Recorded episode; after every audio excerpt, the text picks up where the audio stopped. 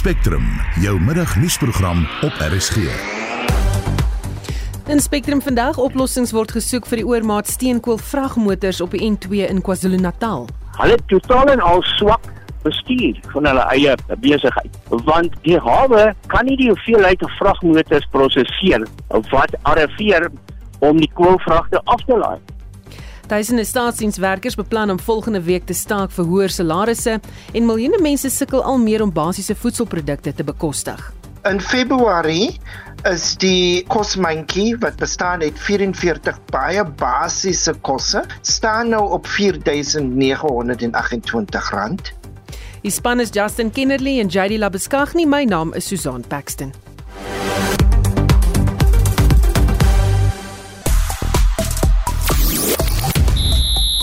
Lionel Messi is FIFA se speler van die jaar. Die Noordwes Arende bo aan die Waasti beker punteleer met CUT verrassend in die 4de plek en Morneystein word deur die Blue Bull Rugby Unie vereer. Ek is Shaun Jooste vir RSG Sport. Hitsmerk SA versus Windies is tans 'n gewilde onderwerp op sosiale media. Onder die hits kan jy beeldmateriaal sien van waar die kolwer Tony De Zorzi en die snelbouler Gerald Coetzee kepse kry. Die twee het vanoggend hul debuut gemaak in toetskriket vir die Proteas in die kragmeting teen die Wes-Indiese eilande op Supersportpark in Centurion. En dit onder leiding van Themba Bavuma wat sy debuut as Suid-Afrika se kaptein in 'n toets gemaak het. Ons gaan nog 'n bietjie later oorskakel om te hoor wat's die jongste dae. Nou die Amerikaanse ambassade in Suid-Afrika het Amerikaanse burgers in die land gewaarsku om 'n noodgereedheidsplan in plek te hê weens die voortdurende kragkrisis. Dit sluit in om 'n kommunikasieplan te hê vir wanneer daar geen of beperkte krag is nie en om genoeg medisyne, kos en water te hê in geval van nood. Daar is Afrikaners wat meen dat Amerika ooreageer op die situasie terwyl ander weer meen dat dit goeie raad is. Wat's jou mening oor hierdie waarskuwing? Stuur 'n SMS na 45889 teen R1.50 per boodskap of jy kan vir ons 'n stemnota stuur op ons WhatsApp nommer 0765366961 of praat saam op die Monitor en Spectrum Facebook Dis nou 7 minute oor 12 jy luister na Spectrum en soos jy in die nuus gehoor het 169 000 nuwe werksgeleenthede is in die laaste kwartaal van 2022 geskep. Dis volgens die jongste arbeidsstatistiek wat deur Statistiek Suid-Afrika bekend gemaak is. Die amptelike werkloosheidskoers was 32,7% in die 4de kwartaal van 2022. Ons praat nou met die ekonom Richard Downing. Goeiemôre Richard. Goeiemôre Jan. Soveel mense het werk gehad in die laaste kwartaal van 2022. Wel die totale arbeidsmag in die laaste kwartaal was hier by uh ek sien omtrent 122 sy ja 1 ja 122.000 100 1.2 miljoen uh nuwe werkgeleenthede wat hy die verandering wat daar was. So dat 'n heel redelike sterk toename gewees in werkgeleenthede in die arbeidsmag en die die hoeveelheid wat in, in diens geneem was het het het gestaan op omtrent uh, 16 miljoen. So dit is 'n redelike klompie werk wat geskep is in die 4de kwartaal en ons sien daarom dat die werkloosheid so verheet in die 4de kwartaal 21 was hy op 35% van 3 en ons het soos jy gesê af na 32.7 wat 'n redelike verbetering is in werkloosheid maar nog steeds op 'n baie hoë vlak is. Hmm. Is dit volhoubaar? Ons ek weet nie, dit is moeilik. Dis mense kan sien dit lyk asof die tussen die derde en vierde kwartaal daar nie so groot verbetering was nie, maar dit is maar 0.2% uh, werkloosheid skoors wat het verbeter het. So dit was baie eina en ek dink dit het baie te doen met die ekonomiese groei wat ons beleef op die oomblik. En wens as ek nou kyk na party vooruitskattinge oor ekonomie ekonomiese groei vorentoe vir die jaar 23 en so aan, dan lyk dit asof hierdie syfer redelik gaan stabiliseer op hierdie vlak, maar die nodigheid van ekonomiese groei om werk te skep 'n absolute noodsaaklikheid. Hmm. Hoeveel mense het nie werk gehad nie? Wel, die werkers het uh, die syfer wel van wat nie werk gehad het nie, is omtrent uh, 7.7 miljoen. Dit is nou al 'n hele klompie mense wat jy kan sê wat nie werk het nie en die elkeen van daai mense wat nie werk het nie, dink aan 'n huisgesin van 4 of 5 dan dan kan dit nog al 'n hele klompie mense wees wat eintlik 'n behoefte het aan toelaas en so aan 'n werkloosheidsversekering. So dit is nog altyd 'n probleem. Uh, maar dit is nog altyd baie duidelik dat eintlik uh die werkskepping het baie baie plaasgevind in die fabriekswese nogal 'n redelike sterk toename toename hier van 26% uh, in nutsmaatskappye dis nie water en die tipe van dienste en 52% toename en in die handel omtrent 14% toename. En dan wat wat baie interessant is, ek dink wat weer net beklemtoon word in terme van die werk wat geskep is, is veral in terme van opgeleide mense. En ons praat hier van bestuurs uh personeel uh, uh professionele mense mense wat meer tegnies onderlei is klerke en so aan. En en en veral in die landbou wat lyk dit asof jy daar al soek na opgeleide mense. En die grootste werkerskou van het maar eintlik in daai in daai uh, soort van kategorie van van van van van, op, opleiding geskied so opleiding is baie noodsaaklike ding daar's 'n redelike vraag lyk dit of daar die oomblik ook 'n groot vraag is na opgeleide mense en geskoolde mense spesifiek. Hmm. En dan in die konstruksiesektor, hoe dit eh, daar verloop. Die konstruksiesektor het ons uh, sien ons daar het het het, het, het, het die syfer omtrent met 7% toegeneem wat nie so goed is soos wat jou uh, in die fabriekwees en ek dink dit het baie meer ook te doen met ons sien dat vaste investering dan oor waar jy in 'n vaste bates skep nie so sterk was en sterk gegroei het as wat jy verwag het en dan natuurlik allerlei probleme met kriminele aktiwiteite in die in die konstruksiesektor lyk dit my wat wat in diensneming terughou en dit is nou al 'n probleem in veral in die konstruksiesektor. So die sewe persent toename in konstruksie steek maar sleg sleg af by die 26 toename in jou fabriekswese. Hmm. Baie dankie. Dit was die ekonom Richard Downing.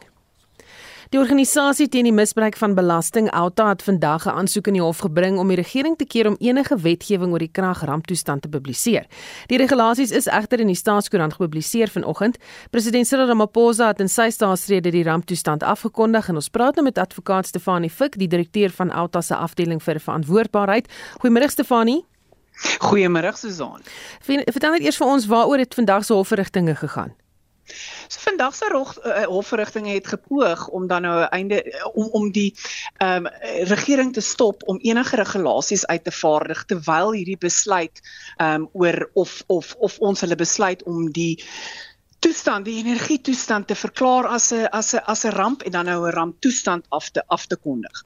Ehm um, wat ons toe nou ehm um, ons moes toe nou baie dinge oorweeg want die staat alhoewel hulle toe nou wag tot op die dag om aan aan ons hulle verklaringe te gee.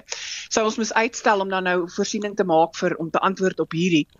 En een van die groot redes hoekom ons die interdik wou gebring het, ons almal weet dat die regering geneig is om alles langer en uit te rek en weet om hierdie ehm um, ehm um, hersiening van die besluit dan nou eers aan te hoor 2 3 4 5 maande van nou af plaas ons in 'n baie ongemaklike situasie. So ons het ooreengekom en die staat het ooreengekom dat hulle dan nou in sekere tydlyne vir ons die inligting gaan gee. So die laaste verklaring wat geliaseer moet word in die hersieningsaansoek is nou die 13de Maart. En toe nou dit gefinaliseer is, toe sien ons nou maar daar is toe nou regulasies uitgevaardig. En sê vir my, het julle gekyk na hierdie regulasies wat gepubliseer is? Ek het nou nog nie totaal en al 'n studie gemaak daarvan nie, maar ons is daardeur en ek moet sê my hare staan reg op om net van hierdie goeters te lees. Een van die goed waarvoor ons die bangste is, is ons weet wat het gebeur met PPE korrupsie. En ten spyte van die feit dat die ehm um, ouditeur-generaal dit moes lewendig dophou, en hierdie is weer eens die regulasies in hierdie ehm um, dis weer ingesit in hierdie regulasies. Maar ons weet almal, as daai geld uitgegee is, wat is die kanse dat enige iemand verantwoordelik gehou gaan word of geld terug gekry gaan word? So dit help nie. Ons het gesien met met met die PPE korrupsie dat dit help nie. So wat hierdie regulasies so met die, met die eerste blik vir ons sê, ek wil amper vir jou sê dit lyk like asof dit geskryf is vir Cape Power. Nou ek um, die die skepies. So ek weet ons kyk met 'n ander bril na hierdie want ons is bang dat hulle gaan seker maak dat ehm um, daai kontrak met met Cape Power so gou as moontlik geteken word en al daai. Ehm um, so mense moet nou mooi gaan kyk. Mense moet mense moet seker ook nou nie ehm um, spring tot konklusies nie. Maar sjoe, as mense net na party van hierdie ehm um, regulasies kyk, is dit is dit duidelik. Dit is om alles vinniger te laat gebeur en wat so hartseer is, is dat als wat hulle wil doen, die plan wat ehm um, Eskom het om 'n einde te maak aan ehm um, ons ehm um, beerdkrag kan hulle in elk geval doen. Hulle het nie hierdie buitensporige stappe nodig nie. So ek dit, dit vir my skree net dis rooi ligte. Hoekom het ons nodig om deur tot sulke lengtes te gaan om iets te probeer doen wat jy in elk geval kan doen? Hmm. Ek sien uh, van Ja, die van die regulasies sluit in hospitale, watersuiweringswerk en ander kritieke infrastruktuur sal slegs van beerkrag vrygestel word waar dit tegnies moontlik is en solank dit nie tot hoër fases beerkrag gaan lei nie. Die goedkeuring van kragprojekte moet versnel word met een enkele owerheid wat alle of alle aspekte van aansoeke moet koördineer en dis nou die enetjie waarna jy verwys. En selfoonnetwerke hmm. en uitsaaiers sal inligting oor die ramptoestand moet uitsaai sonder enige koste vir die verbruiker. So dis so 'n paar van daardie regulasies. Wat is nou julle volgende stap? Ons kyk nou na hierdie regulasies en ons gaan definitief met ons regspan praat. Want nou ons is nou in die posisie van wat is nou die belangrikste? Ons moet nou seker maak dat uh, weer eens ons nie geld verloor met onnodige ehm um, aankope van allerlei goed nie wat insluit iets soos die Kapa ship ehm um, ehm um, kontrak wat ons 'n ongelooflike hoeveelheid geld gaan kos onnodiglik en dit gaan nie dis gaan miskien die situasie 'n stap beter maak maar dit gaan nie die probleme oplos nie. Ehm um, is om om om regsadvies te kry. Want nou aan die ander kant hoop ons om die ehm um, hersieningsaansoek ook so gou as moontlik op die rol te sit. Ons weet almal weet dat solidariteit het ook 'n aansoek inge, ingehandig. Ehm um, en hulle aansoek is neergesit vir die vir die vir die 14de Maart. So dis hoekom ons tydlyne so baie kort is sodat ons kan reg wees dat as die die die die DJP dan nou die uh, judge president van die van die van die hof sê die sake moet saamgehoor word, nie gekonsolideer word nie, maar saamgehoor word dat ons reg is en dat ons daai so gou as moontlik kan argumenteer dat 'n hof vir ons kan sê of hierdie ehm um, ramptoestand nodig is is of nie. Maar nou intussen moet ons iets doen om seker te maak dat die mense nie weer hulle vingers in die tol druk nie. Mm. En wat gaan julle doen?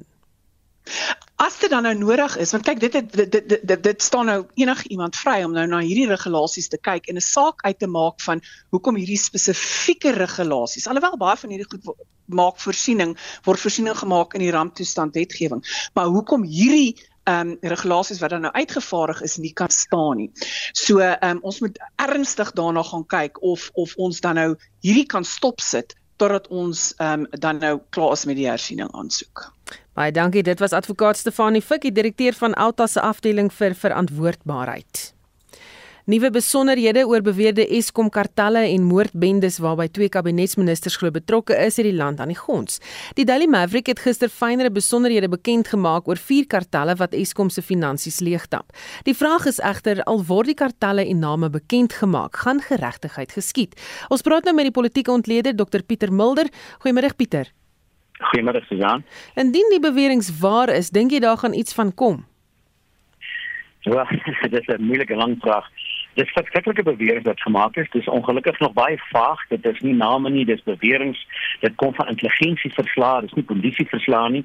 So dit hang in die lug in 'n geval, maar dit is sonder twyfel baie baie ernstig. Nou kom ek sê een draai, jy weet in 'n normale land, uh, as 'n vletjie baas vir korrupsie sien en hy blaas die vletjie, onmiddellik is die regering dankbaar. Die polisie begin onmiddellik dit ondersoek. Die polisie se ondersoek bewys die vletjie blaas is korrek. Hulle word gearresteer uiteindelik en die, die vletjie blaas word beloon en dis wat mense verwag in 'n normale land. En om jou vraag te antwoord, ek dink nie dit werk by ons so nie. En dan moet ek ander ryter as voorbeeld vat. Hy die vletjie blaas te word afgedank uiteindelik en daarna val die regering hom aan en die ministers hom aan en hy word selfs met arrestasie gedreig. Die man wat die vletjie blaas word dan bedreig daardeur uiteindelik en selfs sy lewe is in gevaar wat my laat bekommer oor hierdie soort van bewering sal omdat daar ministers genoem word, daar word gepraat van die brigadier en die polisie en die soort van goed.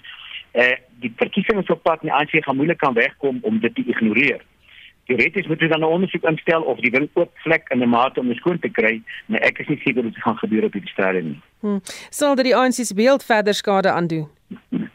Sonder twyfel.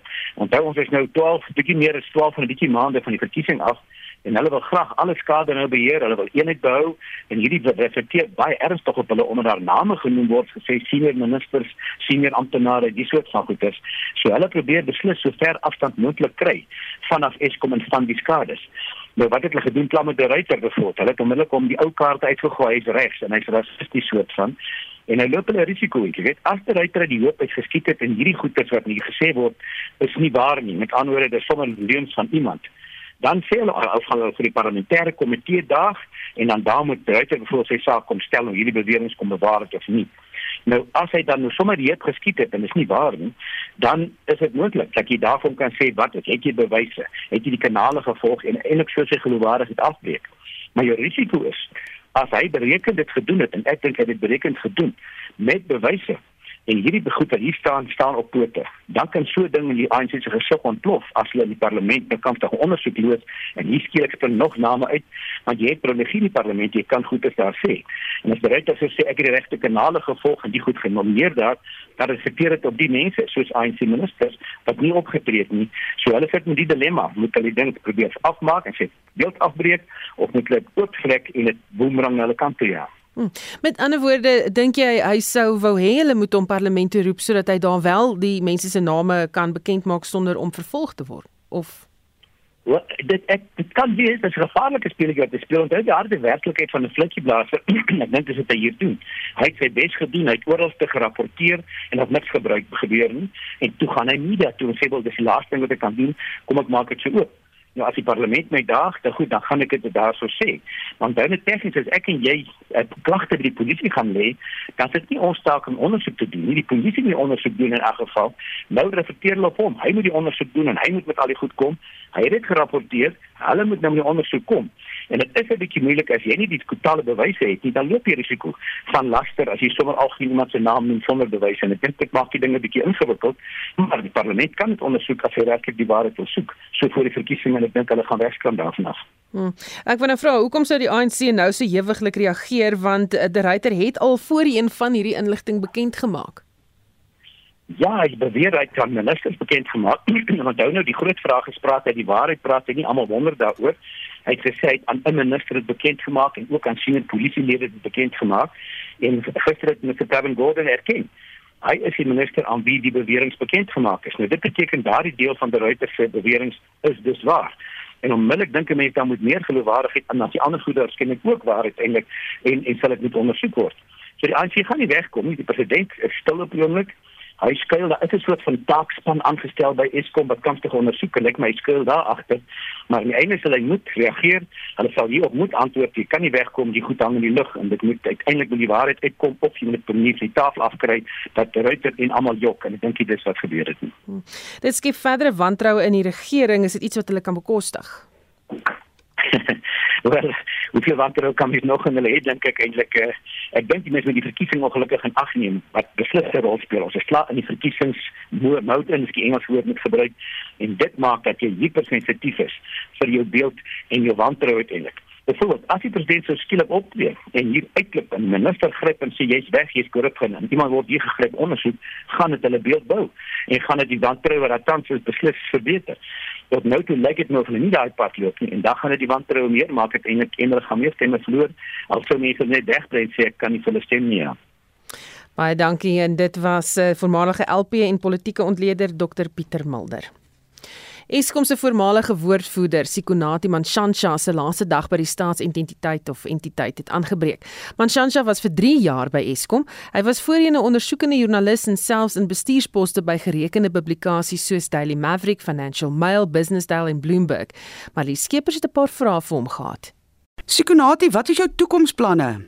Well, at this point, my plan is to retire to the Eastern Cape on the West Coast there by my grandfather's cross and look after his small herd of cattle and do very little, next to nothing over the next few weeks. And of course, then I will come see what the job market has on offer for me. Sikonati, ek kan hoor jy bestuur op die oomblik. Is jy reeds op pad na die Oos-Kaap toe?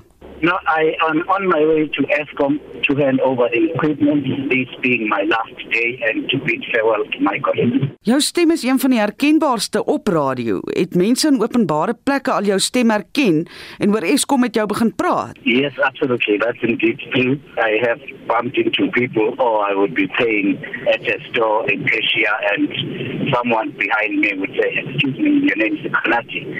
And of course, invariably the discussion would go all about ESCOM and the electricity, but it also would go on about my own role uh, before ESCOM.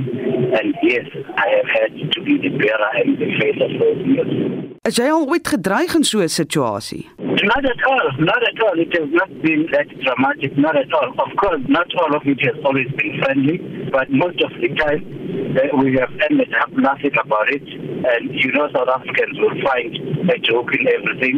And yes, it's been interesting times, but certainly not as dramatic. Sekonati, ek dink nie mense besef regtig dat jou kontrak tot 'n einde gekom het en dat jy nie agter Andre de Ruyter aanhardloop nie. No, definitely not. You are, you are absolutely correct. When I took up this job, I publicly stated exactly for this reason that I was on a three-year fixed-term contract, which had a start date of the 1st of February 2020 and the end date, the 28th of February 2023. And the contract has now come to an end. Of course, there were negotiations and there was an opportunity to extend the contract, but in the end, we chose that this is the best possible route.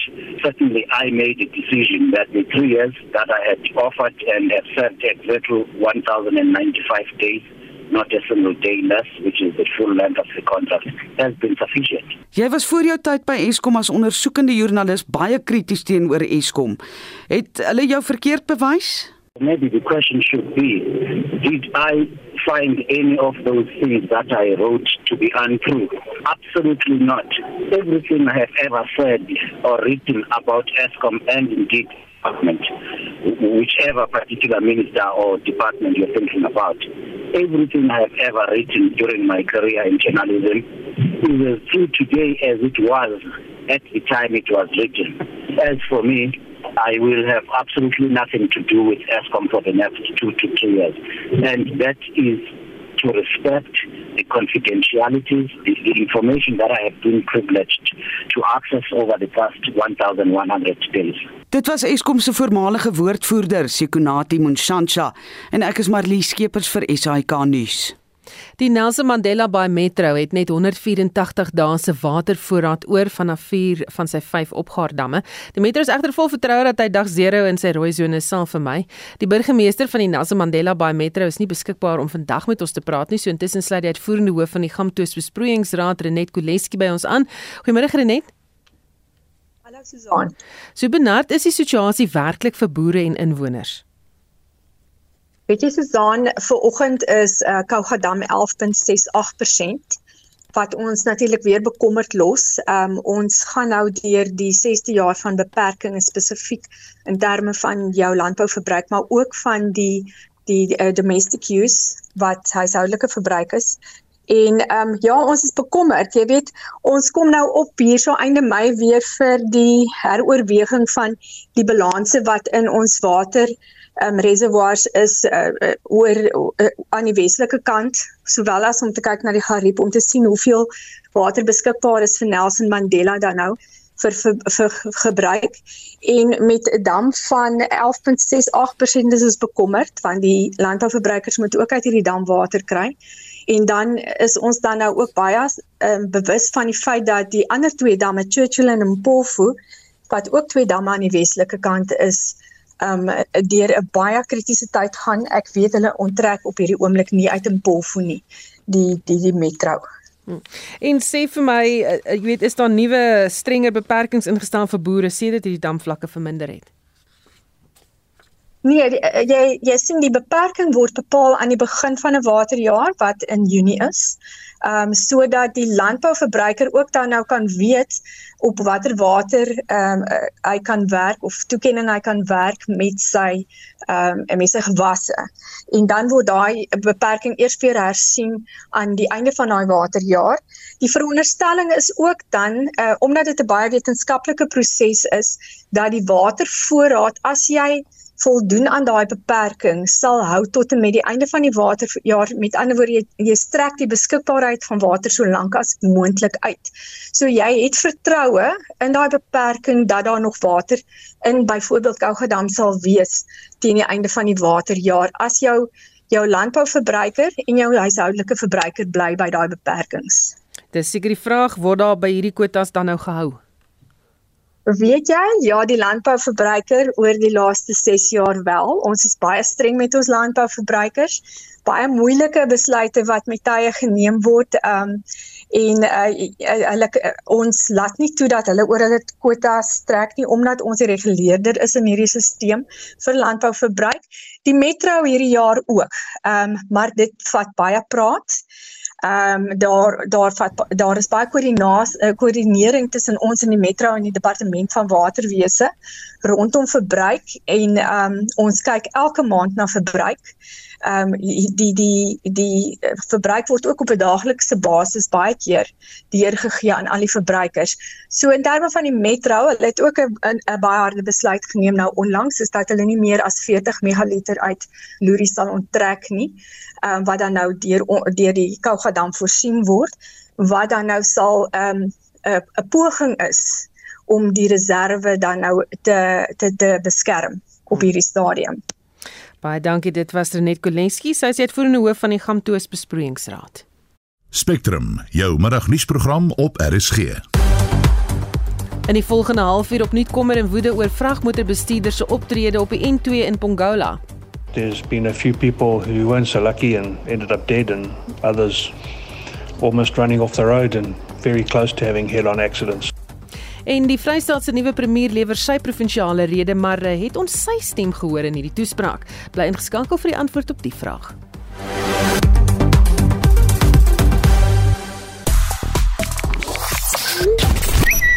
Westbury is 'n gewilde gonswoord op sosiale media. Daar woed tans 'n bendeoorlog in die Johannesburgse voorstad asook New Clare en Eldorado Park. Onder die hits vra die teenmisdaadaktivis Yusuf Abraham G vir kalmte. Werknemers van City Power word deur die metropolisie begelei om kragtoevoer te herstel en hulle weier om alleen in die gebiede in te gaan. 9 mense is reeds in die geweld dood, maar op sosiale media word daar gespekuleer dat die getal meer is. Uh, ons praat oor die Amerikaanse ambassade in Suid-Afrika wat uh, Amerikaanse burgers in die land gewaarsku het om 'n noodgereedheidsplan in plek te hê weens die voortdurende kragkrisis. Daar Suid-Afrikaners wat meen dat Amerika ooreageer op die situasie terwyl ander weer meen dat dit goeie raad is. Ons vra vir jou wat is jou mening oor hierdie waarskuwing? En uh, Bets Ferreira sê my dogter het ons ook aangeraai om ons voorrade vir minstens 5 dae aan te vul. Ons gaan dit nou nie in die swembad volpak nie, maar 5 dae se kos en gas is dalk wys sê sy. Gerard Smit, ons kan maar in elk geval gereed wees. Daar's soveel soveel wat ons nie weet nie. Ons is al in 'n oorlewingsfase.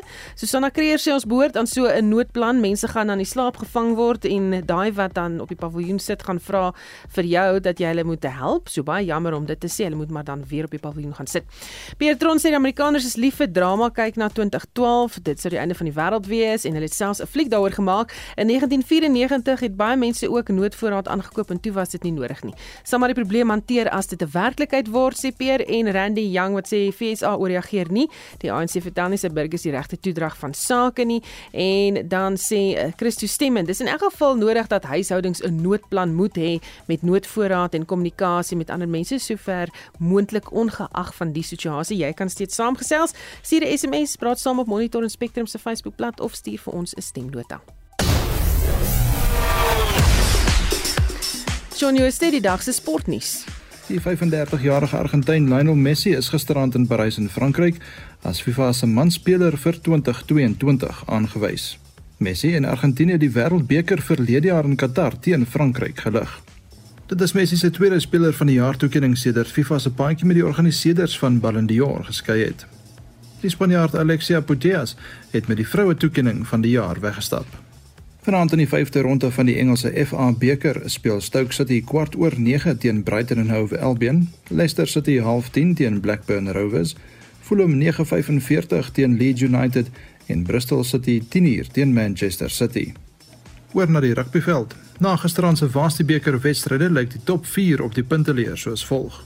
Die Noordwes Arende is die voorlopers op 10 punte na twee rondes. Wits is tweede ook op 10 punte. UCT Aunties derde op 6 en CUT verras met die vierde plek op 5 punte. Die Global Rugby het aangekondig dat die Springbok loskakel Morneystein vereer sal word vir dienste gelewer aan die Globale asook Suid-Afrikaanse rugby. Die Unie sal R1 van elke kaartjie wat verkoop word tydens tuiswedstryde tussen Januarie en Junie 2023 aan Steyn se MS10 stigting skenk. Steyn se kontrak met die Bulle kom aan die einde van Junie 2023 tot 'n einde. Shaun Jooste met die sportnuus. Tyd vir cricketnuus. Dis dag 1 van die eerste toets tussen Suid-Afrika en die Wes-Indiese eilande in Centurion en Pieter van der Berg hou sake daar dop. Goeiemôre Pieter. Middag sê Susan, ja, heerlike warm Centurion Supersportpark. En ek moet sê uh, goeie cricket ook in die eerste sessie. Die middagete amper iets van die verlede. Die spelers gaan binnekort op die veld verskyn, maar in Suid-Afrika dan Themba Bavuma, die kaptein, wat vroeër vandag die loodwen besluit sy span gaan kolf. Nou ja, die span lyk ook so 'n bietjie anderste. Daar was nie plek vir Kesaf Maharaj nie en dan is daar twee nuwelinge in die span. Dit is uh, op nommer 3 waar Tony De Zorzi gaan kolf en dan die bowler Gerald Coetzee is ook ingesluit in die span. En Suid-Afrika het op hierdie, ek wou amper sê uh, redelike maklike kolfblad in die sin van daar was beweging uh, vroeg in die eerste uur gewees, maar daarna, nou ja, die uh, bal so nie meer baie beweging gehad nie en dit is die Suid-Afrikaanse kolwers wat baie baie goed gekolf het. Die twee, twee openingskolwers, Dean Elgar en Aiden Makram, hulle gaan eers aan middagete met die telling op 99 sonder verlies. Ja, uitstekende eerste sessie vir Suid-Afrika. Golf teen uh, 3.53 lopies per bal weer.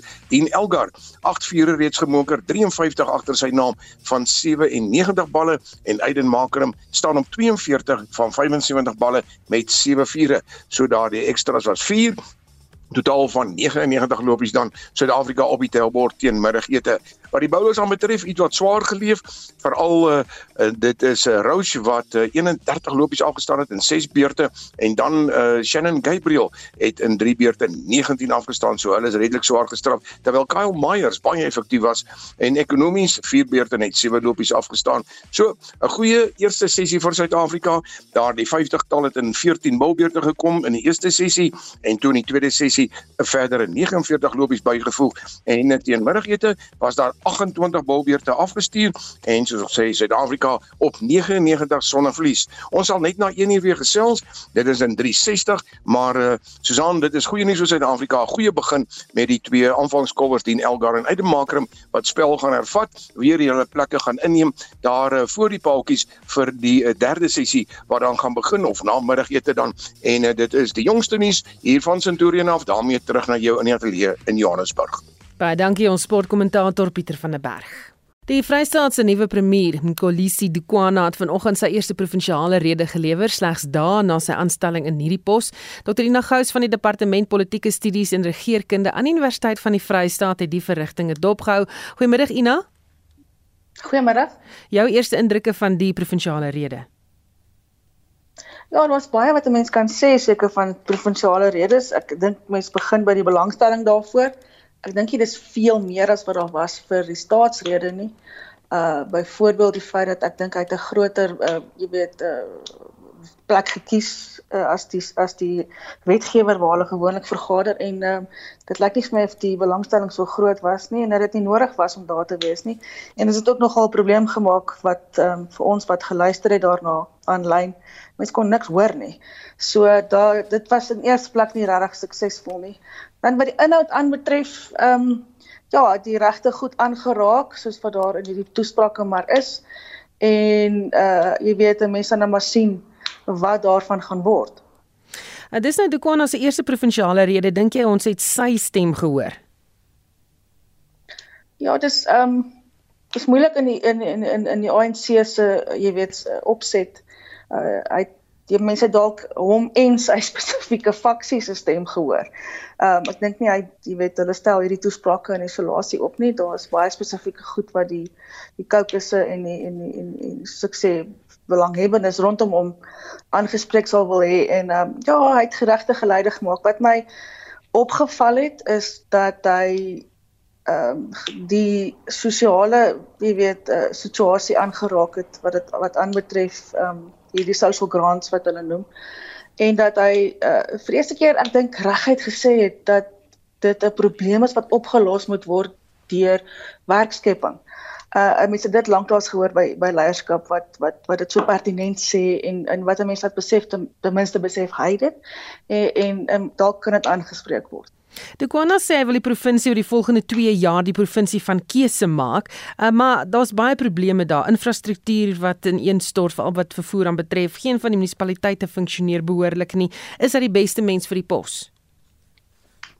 Ons weet nog nie. Ehm um, jy weet uh, ons weet dat die vorige premier uh, uiters onsuksesvol was en baie beslis nie 'n positiewe jy weet verskil gemaak het in die provinsie nie.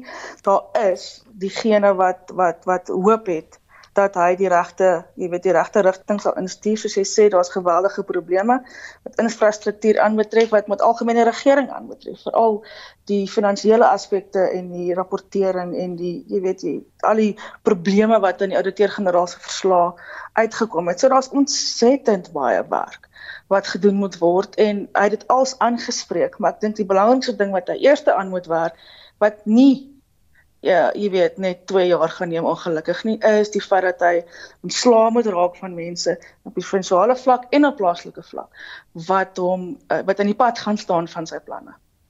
Baie dankie, dit was Dr Ina Gous van die Departement Politieke Studies en Regeringskunde aan Universiteit van die Vrystaat. 'n Kennisgewing dat duisende staatsdienswerknemers op die 6de Maart gaan staak is aan die Departement van Staatsdiens en Administrasie oorhandig. Werknemers eis 'n 10% verhoging wat bo inflasie is. Vakbonde het geweier om deel te neem aan die loongesprekke vir die finansiële jaar wat onlangs by die Staatsdienskoördineringsbedingingsraad begin het. Ons praat nou hieroor met professor Janie Rousseau, 'n politieke ekonom en besoekende professor aan die Universiteit van die Witwatersrand se Sakeskool. Goeiemôre Janie. Goeiemôre Susan en goeiemôre aan die luisteraars. Is 'n 10% verhoging buitensporig as ons in ag neem hoeveel staatsdienswerkers deur die regering aangestel word en wat die beskikbare begroting is? Ja, 10% is heeltemal buitensporig. Daar's geen manier dat die regering dit kan bekostig nie. Soos dit is, is die regering se loonrekening meer as uh, 700 miljard rand per jaar. So die regering kan eenvoudig net nie 'n verhoging van daardie omvang bekostig nie en uh toevallig kan Suid-Afrika ook nie 'n omvangryke staking bekostig nie. Dit gaan regtig sleg met Suid-Afrika op die oomblik en mense sou wou hoop dat vakbonde meer begrip daarvoor het. Hm. Die vakbonde het geweier om deel te neem aan loongesprekke by die bedingingsraad. Is dit 'n taktiek?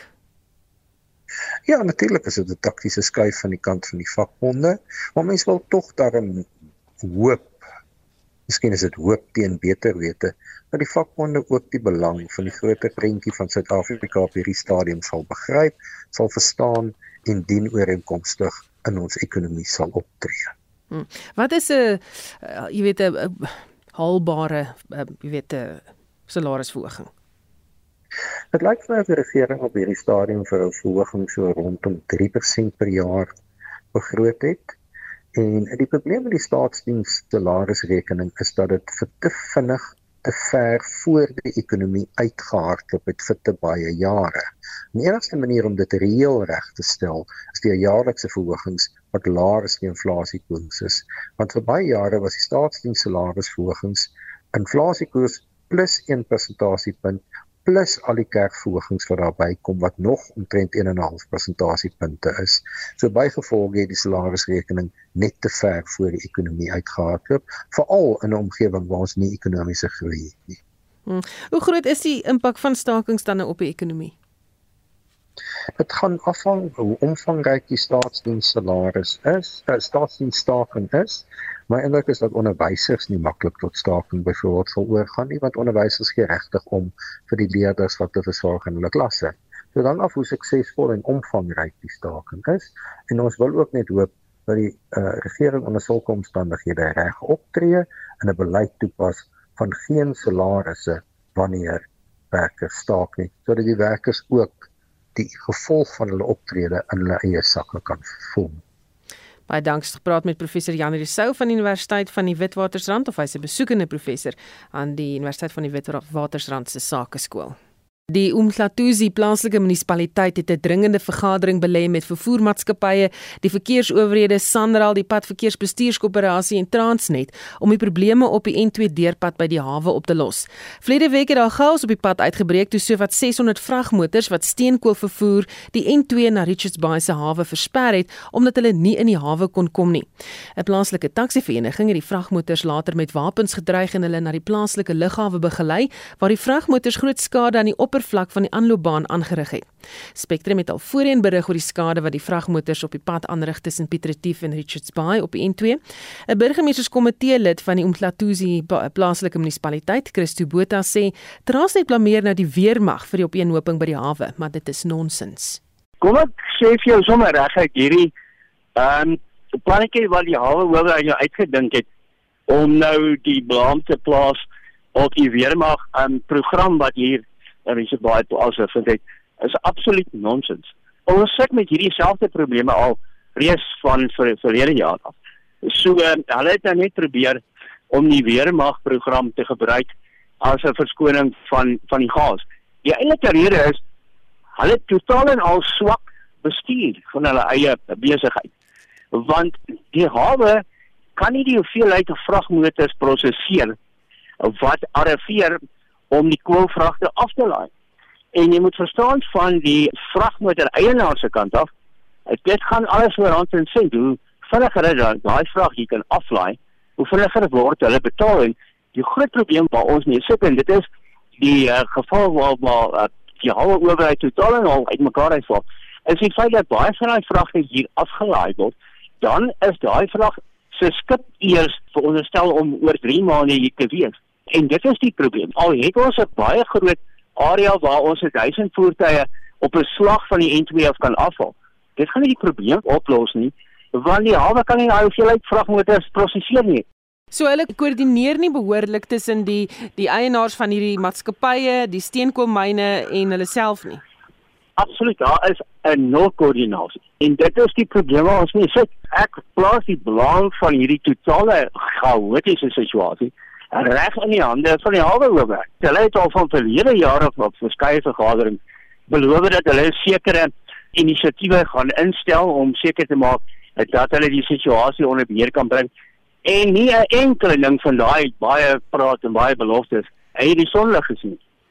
Dit gebeur net nie. Want dit is baie maklik vir hulle as die hawe nou vol raak, dan sluit hulle dood eenvoudig die hek en daai probleem word dan die stad uh, ondertussen sal onderhanteer.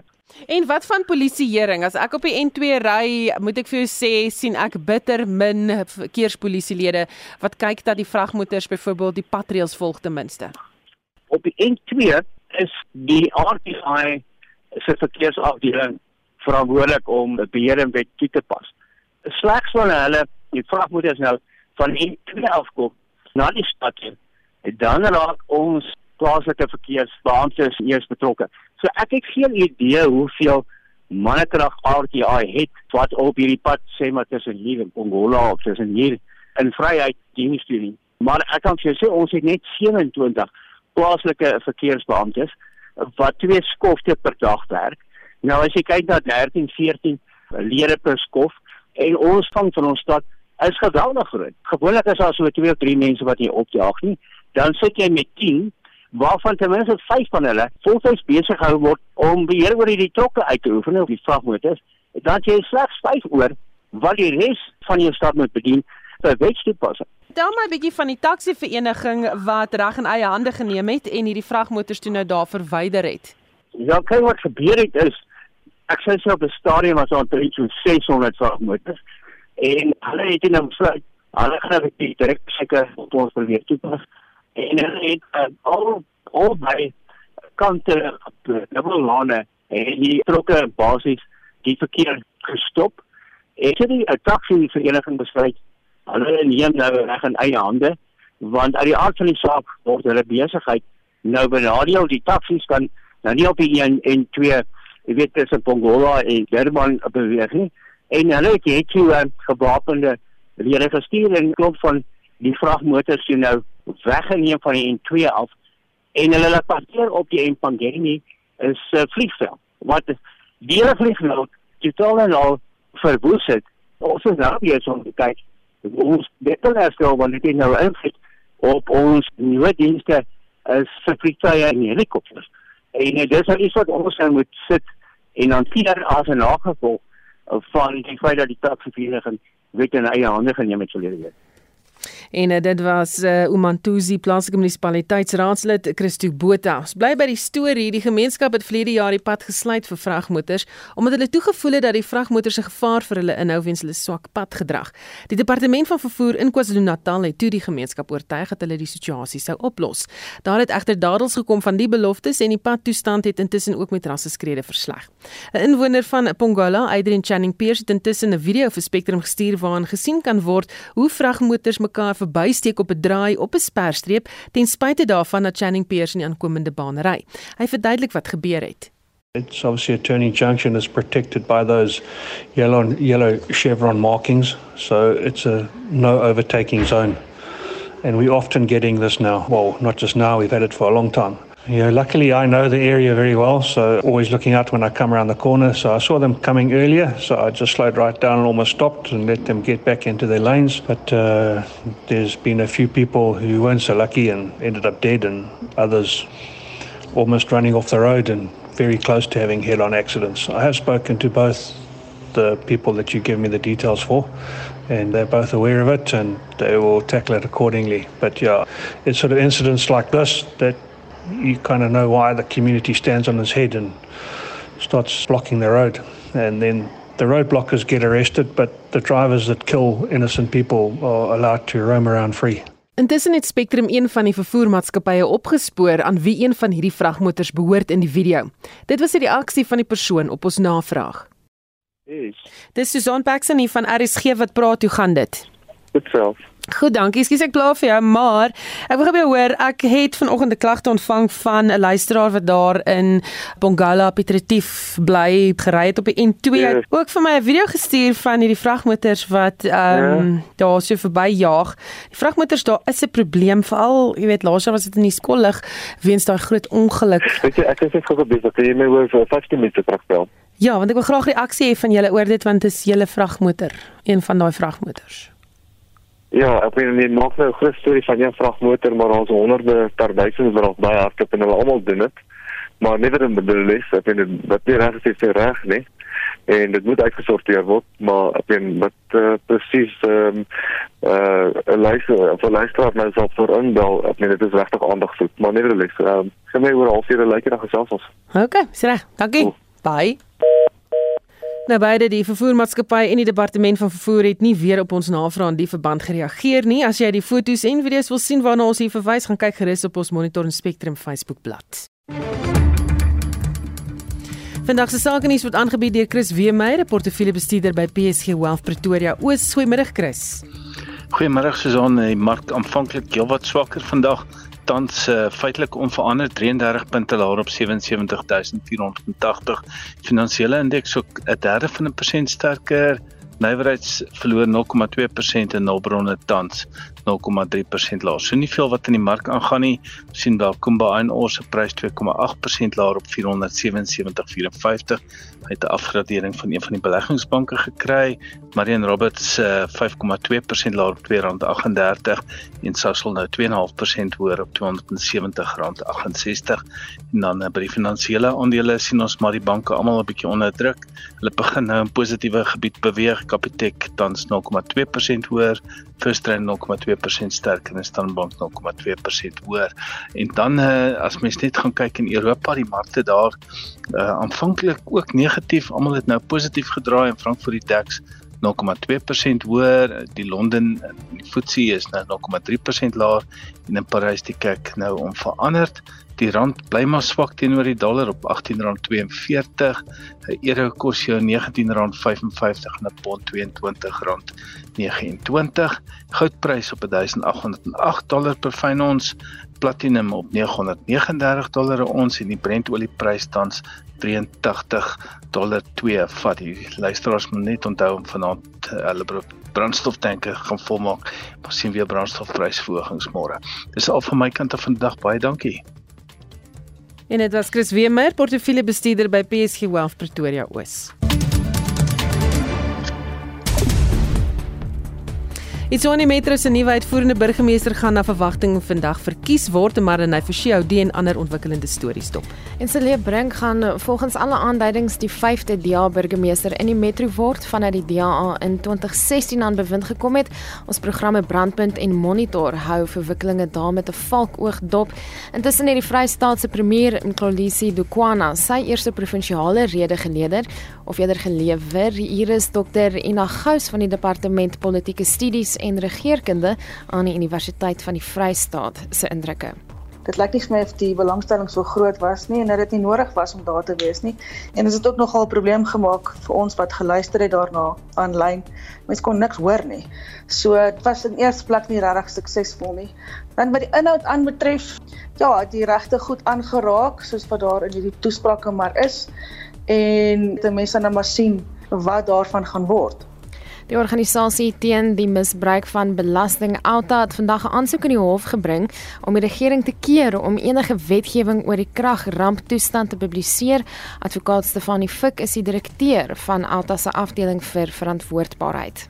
As mens net na party van hierdie regulasies kyk, is dit duidelik. Dit is om alles vinniger te laat gebeur en wat so als wat hulle wil doen, die plan wat Eskom het om 'n einde te maak aan ons beerdkrag kan hulle in elk geval doen. Hulle het nie hierdie buitensporige stappe nodig nie.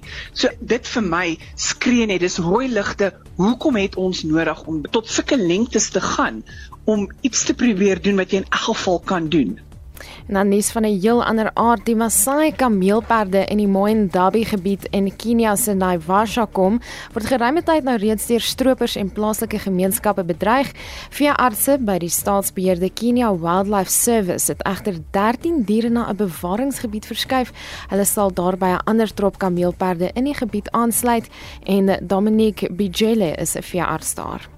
There is no water here and there is uh, no enough browse. So we are taking them to Loldia Conservancy where they'll be very well secured. En dit dan Dominic Bijele, 'n veearts in Kenia.